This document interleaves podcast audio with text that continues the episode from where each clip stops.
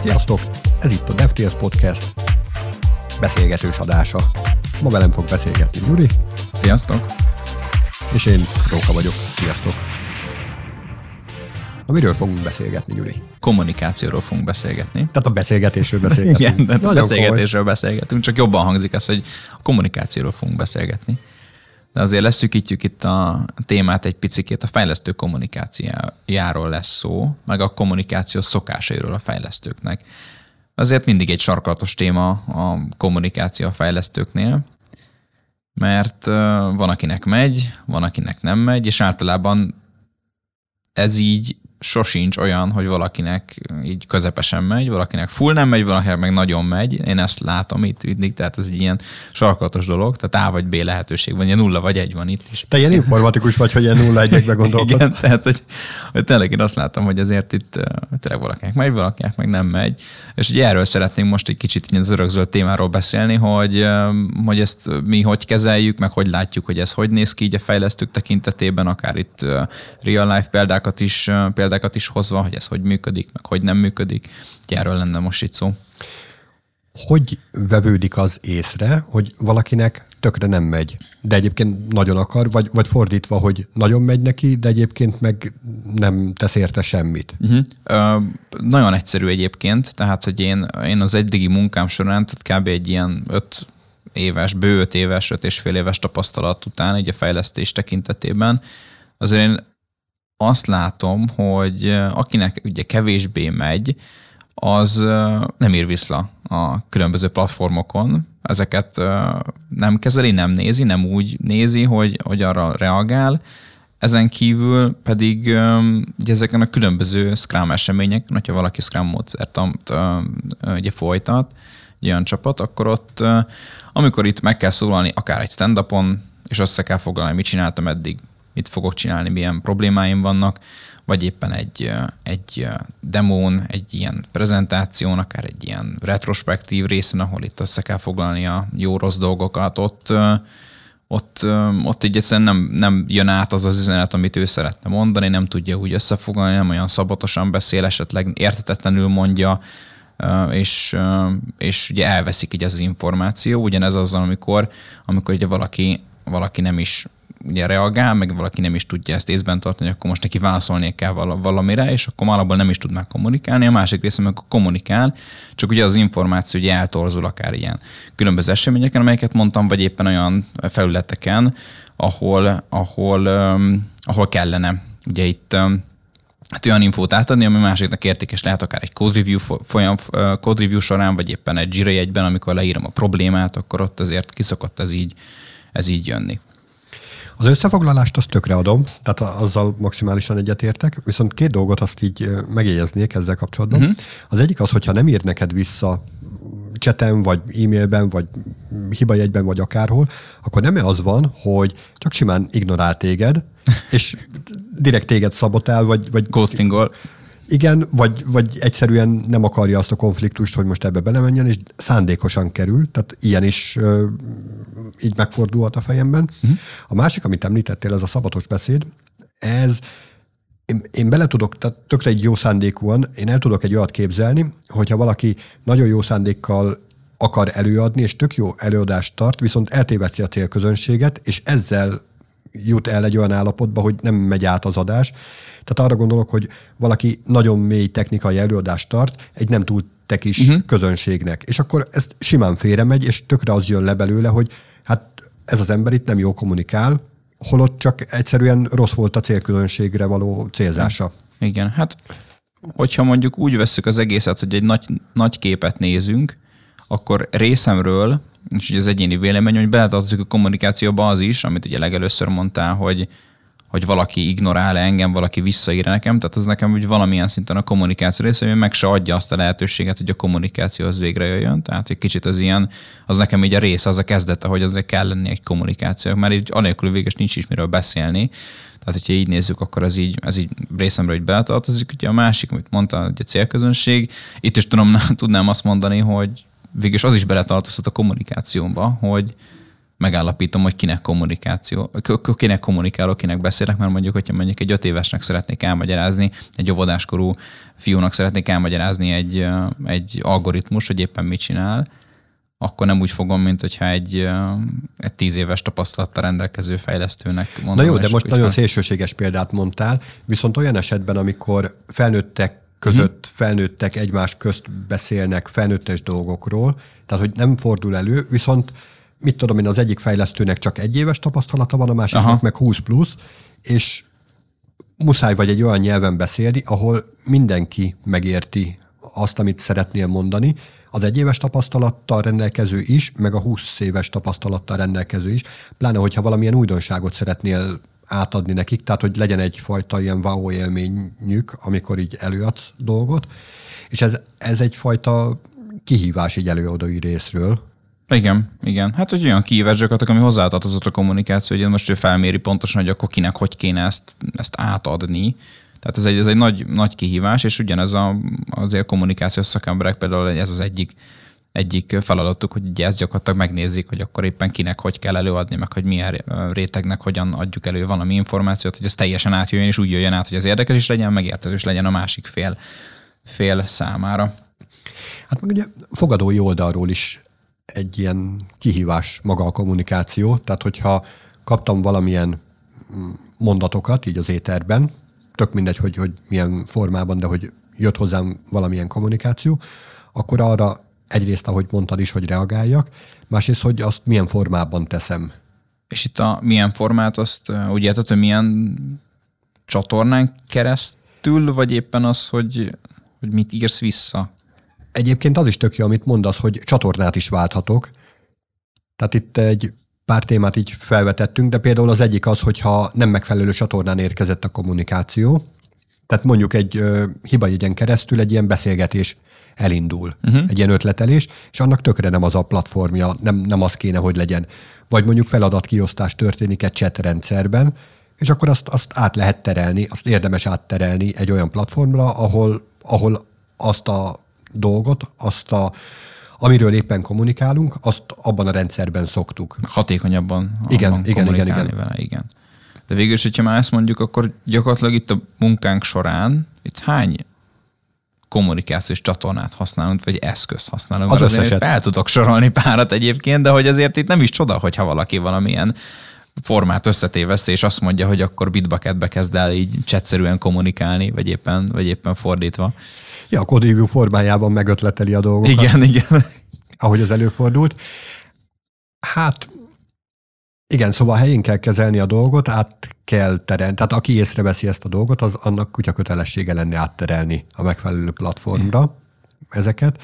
Másik oldalról bele sem szabad az ilyenben kezde, az ilyenbe kezdeni, és az a jó ezekben az eszközökben egyébként, hogy át lehet őket linkelni egyiket a másikba. Aha, már amelyik ből át lehet az egyik belinkelni. Hát, Attól függ, hogy milyen így a... Igen, mondjuk egy telefonbeszélgetést azt úgy ne, nehéz azt átlinkelni, nehéz, de mondjuk itt timestamp el, el lehet mondani, hogy figyelj, amit tegnap délután beszéltünk telefonon keresztül, na annak itt van a kivonata e-mailben, és akkor onnantól kezdve sokkal egyszerűbb már beszélni, mert a, akinek elküldöm, ő vagy nyugtáz, hogy tényleg ez volt a beszélgetés, vagy megcáfolja, hogy nem, nem, az nem úgy, nem így hangzott el. Aha, igen, igen.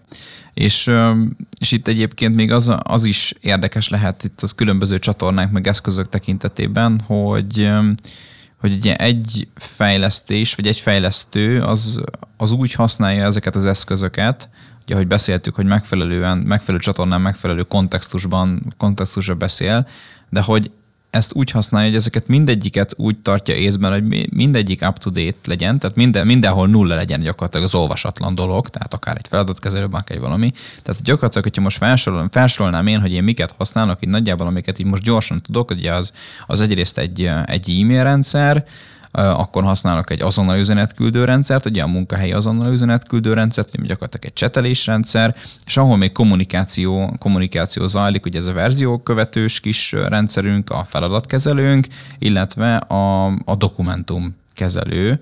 Én most így öt dolgot tudtam így nagyjából felsorolni, amelyeket használunk, és hát nem csoda, hogy itt most az van, hogy az egyike jön valami, és akkor csak nem csekkolnom kell, meg ugye e-mail jön, és akkor az lehet ugye a közös pont, de hogy azoknak ugye beállításait kezelni, akkor miről jön, miről nem, tehát ugye lehet veszni nagyon. Hát én ezekhoz még hozzásorolnám a telefonos vagy SMS-es mm. értesítést, mert azért az is néha előfordul. Mondjuk valamilyen alkalmazáson keresztül ilyen azonnali értesítés, tehát mondjuk így felhőszolgáltatásból érkezik uh-huh. egy olyan fajta error reporting, amire azonnal kell reagálnom, tehát az is egy ilyen fajta eszköz, illetve hát a szóbeli meg, megbeszélés, Igen. amikor elkaplak a folyosón, hogy figyelj Gyuri, azt nem lehetne, hogy... Igen, hát ezek még hozzátesznek, és akkor jogos a kérdés, hogy amúgy hát ezeket követni, meg számon tartani, és hogy ez, ez ennek mi a, mi a vége. Igen, és ide kapcsolódik az, amit említettél, az a Zero Inboxos történet. Ezt csomóan vallják, és én is egyébként nagyon sokáig csináltam, és pont mostanában próbálom elengedni a dolgot. Bár mondjuk a másik véglete, volt olyan kollégám, akinek ilyen 20 ezer olvasatlan e-mailje volt, és ő konkrétan büszke volt arra, hogy nem olvas el egyetlen egy e-mailt sem, és egyébként tudott így működni. Hát akkor minek van e-mail címe amúgy? Igen, igen.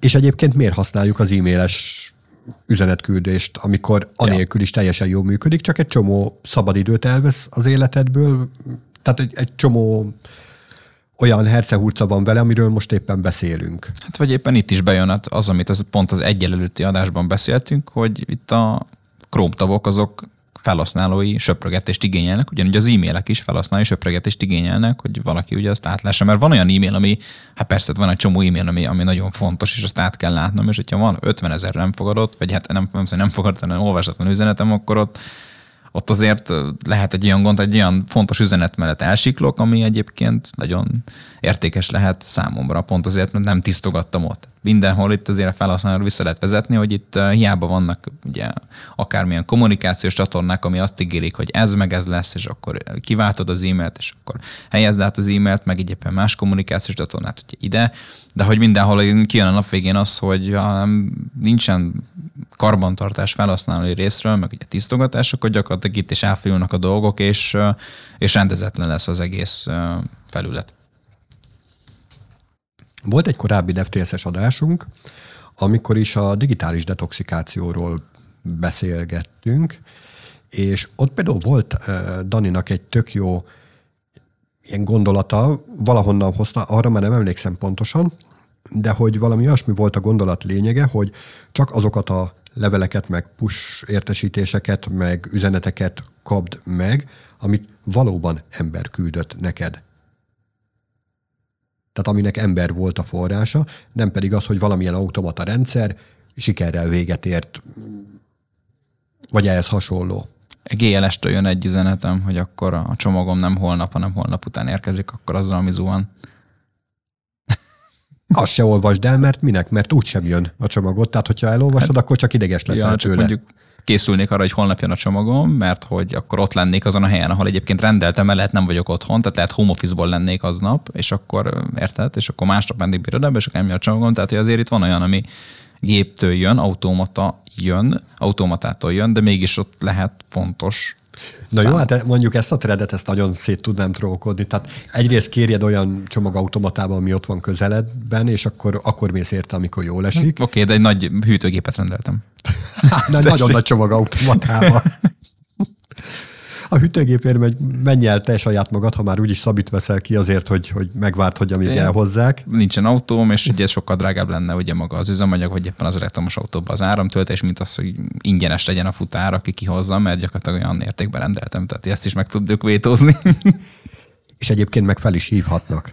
Tehát, hogyha már ilyen kommunikációs csatornákról beszélünk, akkor ugye fel is hívhat. Tehát ezek között föl lehet állítani valamilyen prioritást, ugye ez személyfüggő, hogy kinek mi a, a legpriósabb, de mondjuk egy ilyen, egy olyan fajta megszakítás, ami tényleg azonnali beavatkozást igényel, mondjuk egy telefon csörög ott melletted, és azt, azt muszáj vagy felvenni, mert ott csörög, uh-huh. Tehát az, az egy sokkal intenzívebb, meg azonnali megszakítás, mint mondjuk egy SMS, ami így megjön, és akkor lehet, hogy csak este nézed, meg lehet, hogy azonnal megnézed, mert amúgy is a Facebookot pörgetted, és ott, ott bejött, betüremkedett. Tehát ezek között is lehet ilyen prioritást felállítani. És hogy még egy kicsit trókodjam az előző felvetésedet, akkor se nézd meg az ilyen SMS-eket, mert nagyon sok adathalász ilyen üzenet mm. érkezett mostanában. Hát azért igen. Lehet, hogy rászaladsz egyre. Megfelelő ilyen digitális kultúrával mögöttem azért meg tudom állapítani, hogy melyik az, ami adathalász, és melyik nem, azért itt ki lehet szúrni kicsit. De már mondtad itt ezt a megszakításokat, tehát most fel is lehet vetni azt, hogy most mi van ezekkel a megszakításokkal, ugye most kell ez a megszakítás, ugye vagy a folyamatos koncentrált munkavégzéseket töregetni akkor is, amikor ilyen nagyon komoly, komoly helyzet van éppen az aktuális csatornám. Erre már évekkel ezelőtt megadták a választ hardware fejlesztő kollégáink, akik az Inteles CPU-kba tettek ilyen megszakítási alrendszert, ahol is megy a folyamatos feladat végrehajtás, amit meg lehet szakítani valamilyen, mondjuk érkezik egy billentyűzeten egy gomb lenyomás, és akkor az egy hardveres megszakítást eredményez. De a közben ugye lehet hiba. Akkor az már ilyen dupla megszakítás, tehát a megszakítást kell újra megszakítani, és még egy harmadikat is be lehet illeszteni, viszont a harmadik után meg leáll az egész a redekbe. Tehát konkrétan kikapcsol a CPU. Aha, értem. Szóval én, én inkább ezt követném, hogy a, tehát nem látom azt, hogy az hatékonyan tudna működni, hogy az ember valamit csinál, azt megszakítják, majd a megszakítást is megszakítják, majd azt a megszakított megszakítást, megszakító megszakítást is megszakítják, és így tovább, a végtelenség, nem fogsz egyszerűen visszatalálni, vagy hogyha visszatalálsz, sokkal jobb memóriával rendelkezel, mint én. Nekem nincs akkora verem memóriám, amivel így visszatalálnék a korábbi feladatokba. Igen, hát ez ugye függ attól, hogy ki milyen beállítottságunk, mert azért néha azt veszem észre, hogy van, amikor megszakítanak, de te simán vissza tudok zökkenni, amikor éppen valamit csináltam, ez függ attól, hogy milyen feladatot végzek, hogyha nagy horderő feladat, akkor elmélyülősebb, akkor azért ott nehezebb de egyébként, hogyha még lazább, akkor meg azért ott... Meg hogy mekkora megszakítás, és igen, milyen gyakran van, és igen. Meg a megszakítás szakítják-e meg? Meg éppen mennyire zaklatott fel az adott megszakítás, vagy éppen csak egy tudom, boldog születéscsoport kis SMS üzeneted jött, tehát hogy, hogy ez sem mindegy amúgy. Mindjárt küldök is egyet. Igen, hát kár, hogy nincsen szülinapon, de majd, majd később küldhetsz. De most is elküldhetem, és majd, majd nézd meg akkor, amikor lesz. Igen.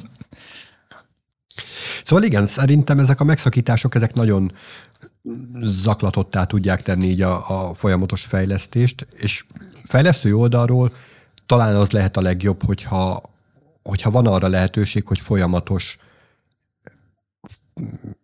tehát nem, nem feltétlen, hogy folyamatos fejlesztéssel foglalkozhasson az ember, mert ez is attól függ, hogy mennyi tapasztalata van. Ha nagyon sok tapasztalata van, és önállóan tud haladni egy fejlesztő, akkor, akkor neki az nagyon jó, hogyha nem szakítják őt meg.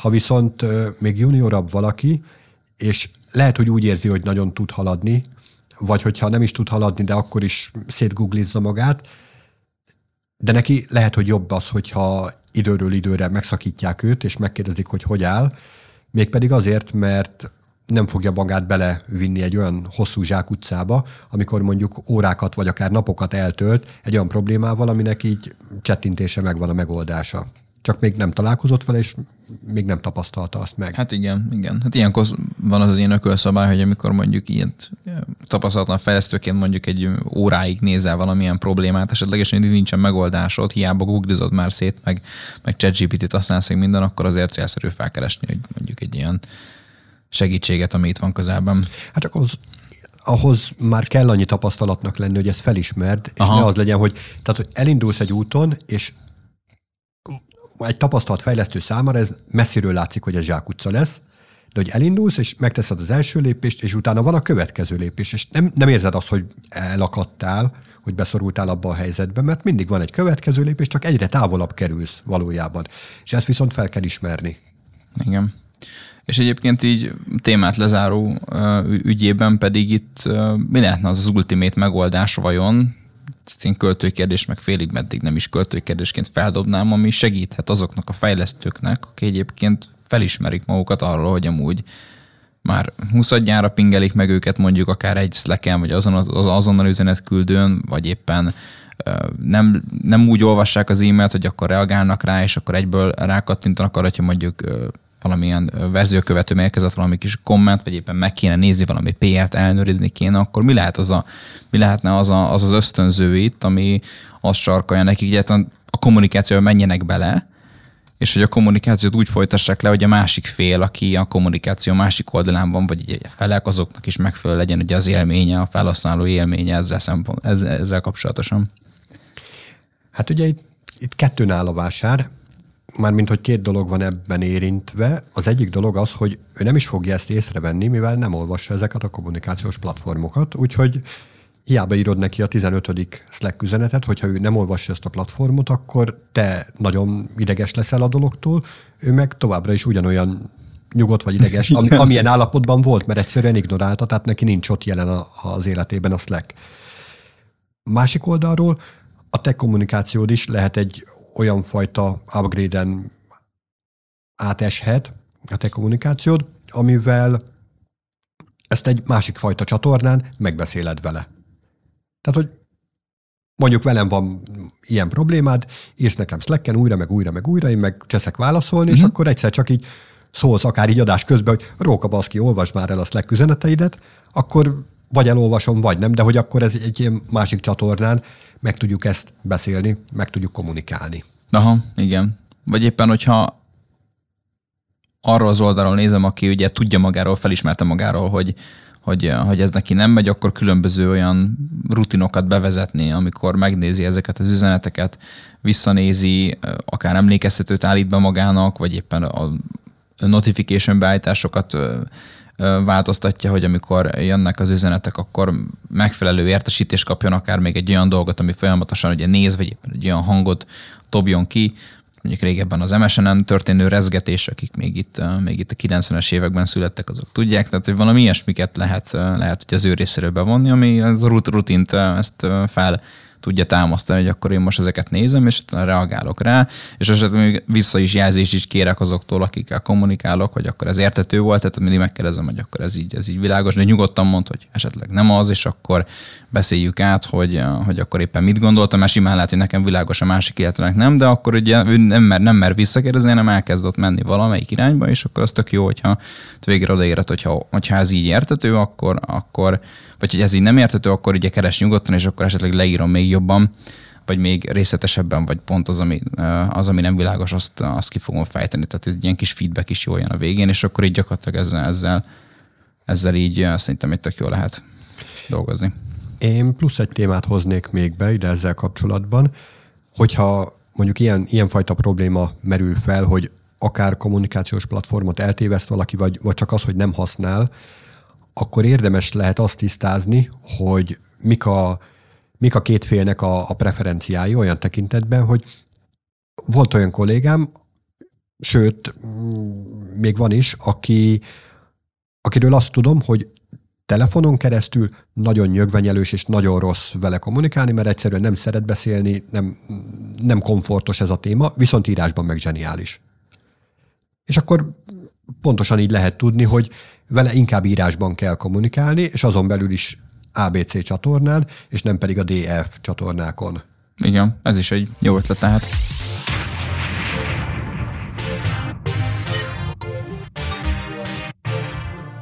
Kollégákkal valamilyen verbális vagy írásos úton tudunk kommunikálni, telefonokkal hogyan tudunk kommunikálni? Akár vezetékes, akár vezeték nélküli módon tudunk a telefonokkal kommunikálni. És mondjuk egy USB, egy általános választ. Mondjuk egy USB kábelen keresztül. Igen, az a vezetékes része. Na és miért fogunk beszélni az USB-s kommunikációról? Azért lesz, azért beszélünk az USB-s kommunikáció, mert azt fogjuk megtárgyalni, hogy rossz ötlete tölteni valamilyen publikus USB porton a telefonunkat, vagy éppen, vagy éppen rádugni bármilyen cél, cél, célt is szolgáljon. Szóval szoktunk látni buszokon így ilyen, ilyen eszközöket, amikor csak simán így ott van a kapaszkodón, és akkor bedugjuk a telefont, és akkor felmerül bennem a kérdés, meg mondjuk egy akár más felhasználóban a kérdés, hogyha erre most én ráhelyezem a telefonomat, akkor nem lesz hardveres problémája, nem lesz szoftveres problémája a telefonomnak, mert hogy valaki olyan megbuherálta azt a kis csipet, ami benne van abban az USB töltőben, vagy rosszul van beállítva. Mit, mi történik ilyenkor? Tehát le, tehát mint én felhasználó, ezért tényleg így bennem is ott van, hogy kis félsz, hogy amúgy rádugom, és akkor mi lesz a drága telefonommal, mi lesz vele? Hát a rövid válasz az, hogy igen, ebből probléma van, és ne csinálja senki.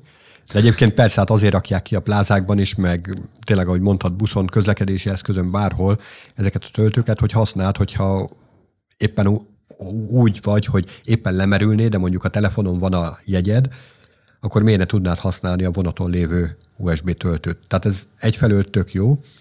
Másfelől viszont maga az USB eszköz arról azért tudni kell, hogy ez egy plug and play dolog, ami azt is jelenti, hogy bedugsz valamit a készülékedbe, és hát az, az plug and play, amit bedugtál, az majd megmondja, hogy ő kicsoda, és nem biztos, hogy csak áram van benne, tehát nem biztos, hogy csak tápfeszültség van benne, hanem lehet, hogy valamilyen szoftver, vagy mondjuk egy hardvernek álcázott szoftver, akár mondjuk egy billentyűzet, vagy, vagy kijelzőnek álcázza magát, vagy bárminek is tudja magát álcázni, és onnantól kezdve meg vagy lőve.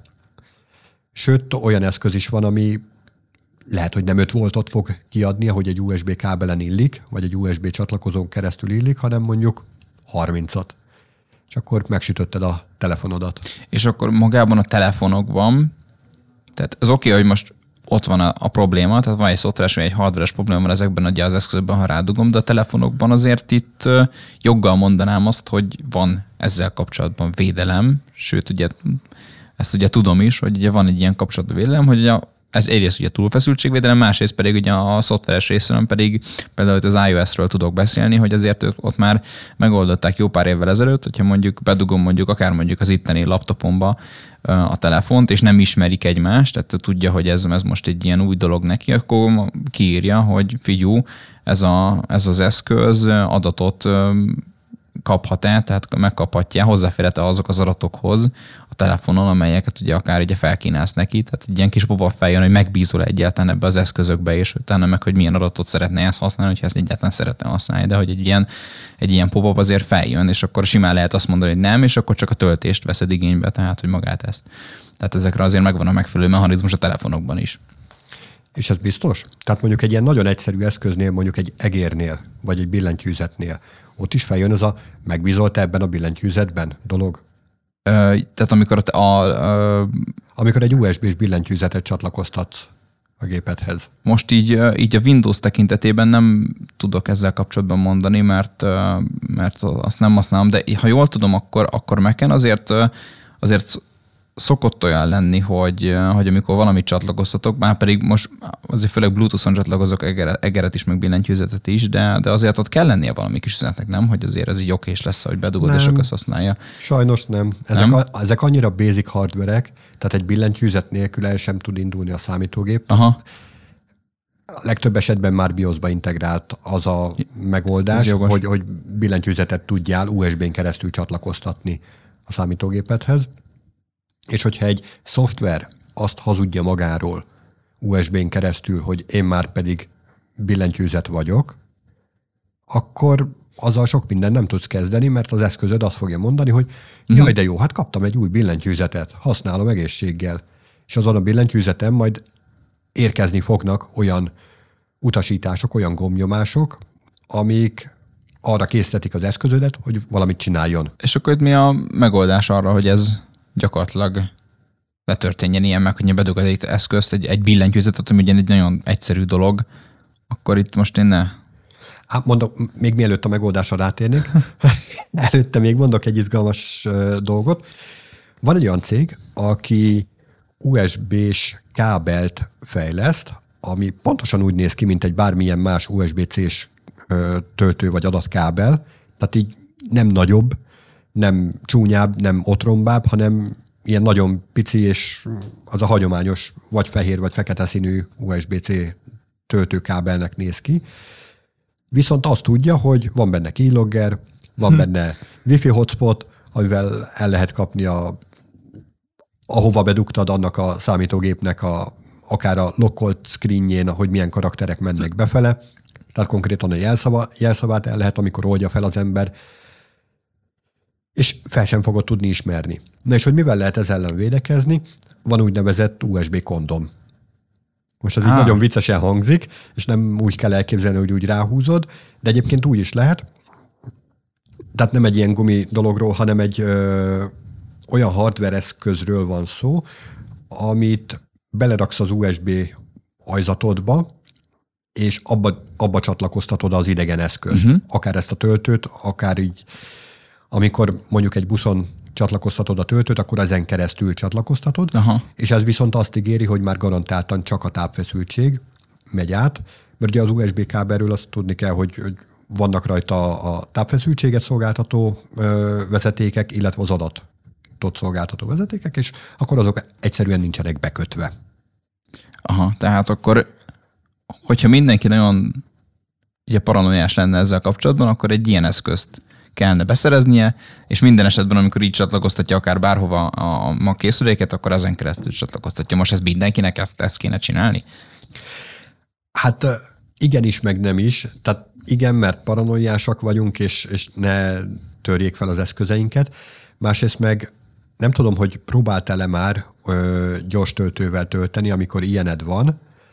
Hát ez gyakorlatilag a gyors töltésnél, tehát az USB-C szabványban ott meg vagy leboltolja egymással a, a töltött eszköz, meg a töltő, hogy milyen feszültséget hajlandó fogadni. Uh-huh. És annak megfelelő feszültségmennyiség érkezik majd az eszközbe, meg úgy küldi az áramot. De hogyha nem tudnak kommunikálni egymással, akkor marad az egyszerű töltés, az pedig lehet, hogy egy picit lassú lesz. Aha. Hát igen, ez érdekes. Tehát akkor gyakorlatilag ez lehet a egyetlen megoldás erre. Meg esetleg a beépített szoftveres megoldások, amelyeket mondtam, ugye a különböző eszközökre, amelyek már nem egy ilyen folyik egyszerű dolgok. Hát a beépített szoftver, szoftvert azt mindig meg lehet hackelni, tehát én, én abban nem annyira hiszek. Igazából ami még jó lehet, az a vezeték nélküli töltők, uh-huh.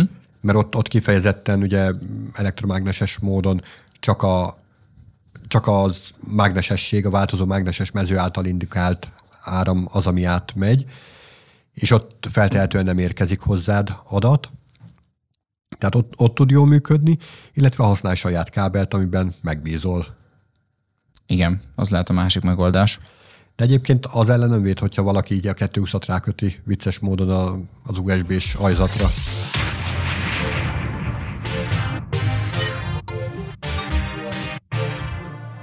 Szóval, hogyha valaki így plázában vagy utazási eszközön szeretné ilyen töltőt használni, akkor akár azt is érezhetni így a kis mondókánkból, hogy ilyet semmiképpen se. Viszont az is igaz, amiről már korábbi adásokban is volt szó, így talán az kapcsán, hogy ha te bizalmatlan vagy a környezeteddel szemben, akkor nagyon lassan fogsz tudni haladni. Hogyha élsz a bizalommal, de egyébként akár a keresztben is gondolhatunk erre, tehát, hogyha neked nincs bizalmad abban, hogy a többi résztvevő, a forgalomban résztvevő az be fogja tartani a kereszt, akkor nem fogsz tudni eljutni egyszerűen A-ból B-be, mert azt látod, hogy az úton 90-nel jönnek az autók, és akár neked is mehetne. És hogyha ilyenkor minden esetben lehúzódsz az útról, meg fedezékbe vonulsz, meg stb., akkor nem fogsz tudni eljutni egyik pontból a másikba. Ugyanígy, hogyha bizalmatlanságon alapul az egész működésed, akkor nagyon lassan és nagyon nehezen fogsz tudni boldogulni. Persze senkit sem arra bátorítok, hogy meggondolatlanul cselekedjen, viszont azért észsel kell, tehát hogy ha, ha teljesen bizalmatlan vagy, akkor nagyon nehéz, hogyha túlságosan beleengedsz magad köré, mindenkit így nagyon bizalommal fogadsz, és nem gondolod senkiről, hogy ö, rossz szándékkal közeledne, akkor viszont nagyon pórul járhatsz. Tehát, hogy valahol ez arany középutat kell megtalálni. A mi arany középutunk pedig a podcast vége. Sziasztok! Sziasztok!